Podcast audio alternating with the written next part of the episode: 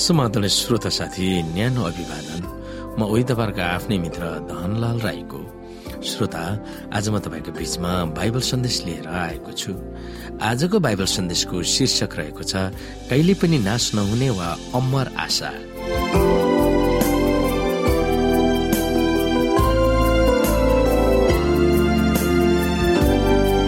श्रोता यस कहिले पनि नाश नहुने वा अमर आशा भन्ने बाइबल सन्देशमा हामीले अध्ययन गर्नुपर्ने बाइबलीय पदहरू रहेको छ।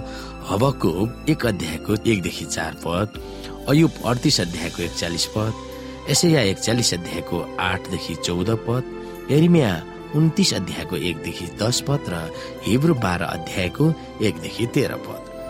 यस अध्यायमा हामीले सम्झनु पर्ने पद अथवा मेमोरी गर्नुपर्ने बाइबल भर्स रहेको छ रोमी पाँच अध्यायको पाँच पद। यहाँ लेखिएको छ आशाले हामीलाई निराशा गराउँदैन किनकि हामीलाई दिएका पवित्र आत्माद्वारा परमेश्वरको प्रेम हाम्रा हृदयमा खन्याइएको छ। श्रोता जब चर्चमा चर्चका मानिसहरू हँसी खुसी र रमाइलो गर्दै भेला हुन्छन् गीत गाउँछन् तब त्यस बेला आशाका कुराहरू गर्न पनि सजिलो हुन्छ। तर जब हामी अग्नि ज्वालामा पर्दछौ तब आशाको बारेमा कुरा गर्नु पनि हास्यास्पद हुन सक्छ। जब कठिन परिस्थितिहरू हाम्रा वरिपरि घेरिन्छन् तब सबै थोक र प्रभुको ज्ञान र उपस्थितिको बारेमा सोधपुछ गर्न खोज्छौ। इसाई साहित्यकार सिएस लिबिसले बालबालिकाहरूको निम्ति लेखिएका नार्निया श्रृङ्खलाको पुस्तकहरूमा एउटा सिंहको बारेमा काल्पनिक कथा रचिएको छ। कसैले त्यस सिंहलाई भेट्न चाहेको थियो त्यो सिंहले केही गर्दैन र भनेर उसले सोध्यो त्यसलाई जवाफ दियो त्यो सिंह सुरक्षित त छैन तर असल छ। कतिपय समयमा प्रभुलाई हामी बुझ्दैनौ र हामीले अपेक्षा नगरेका थोक वा किराकलापहरू गर्नुभएको जस्तो देखिन्छ। तर त्यसको अर्थ यो होइन कि उहाँ हाम्रो विरुद्धमा हुनुहुन्छ। उहाँको परिवेशको पुरा चित्र हामीमा नभएको मात्र हो तर हामीमा हुनुपर्ने शान्ति आशा भरोसा आदिहरूको निम्ति सङ्घर्ष त गरि नै रहन्छौँ। प्रभुलाई चिन्नु र उहाँ जथाभावी काम गर्नुहुन्न भन्ने आत्मज्ञानमा बढिरहनु हाम्रो आत्मिक मानसिक र भौतिक जीवनको निम्ति धेरै आवश्यक छ। हामीहरूको सोचमा उहाँ खतराविहीन वा सुरक्षित हुनुहुन्छ भनेर स्वीकार्नु आवश्यक छ। यदि त्यो परिस्थिति हामीमा भएन भने हामी अनेकौं निराशाका बादलहरूमा हराउन सक्छौँ।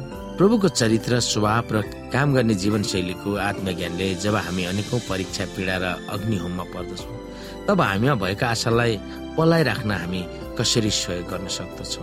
त्यो कुरा हामीले सोच्नु पर्दछ। श्रोत साथी हामी यहाँ केही हबकुकमा हुनुपर्ने आशाका कारणहरू के के छन्?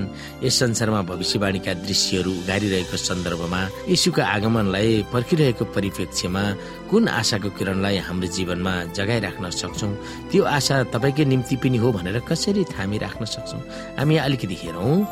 जब लुकिरहेका दुखितहरूलाई निलौला भन्ने इच्छा लिएर त्यसका योद्धाहरू आँधी चाहिँ हामीलाई तितर बितर पार्न लाए तब तपाईँले त्यसकै भालाले त्यसको शिर छेट्नुभयो। तपाईँले ठुला पानीहरूलाई मन्थन गर्दै समुद्रलाई आफ्ना घोडाहरूले कुल्चनु भयो मैले सुनेर मेरो मुटु काम्न लाग्यो। त्यो स्वर सुन्दा मेरा ओठ थर थर कामे मेरा हड्डीहरू भित्रभित्रै मकिएर मेरा खुट्टाहरू कामे। तापनि हामीलाई आक्रमण गर्ने जातिमाथि आउने विपत्तिका दिनको निम्ति म धैर्य साथ पर्खिरहेको छु। चाहे अन्जिरका रुखमा मुना नलागोस् र दागका बोटमा फल नफलोस् चाहे जैतुन रुखमा फल नलागोस् र खेतले अन्न नउब्जाओस् खोरमा भेडा बाख्रा नभए पनि र गोठमा गाई बस्तुहरू रहेनन् भने पनि म परमप्रभुमा रमाहट गर्नेछु। म मेरो उद्धार गर्नुहुने परमेश्वरमा रमाउने छु परमप्रभु परमेश्वर मेरो बल हुनुहुन्छ। उहाँले मेरो खुट्टा हरिणका खुट्टा चाहिँ पार्नुहुन्छ।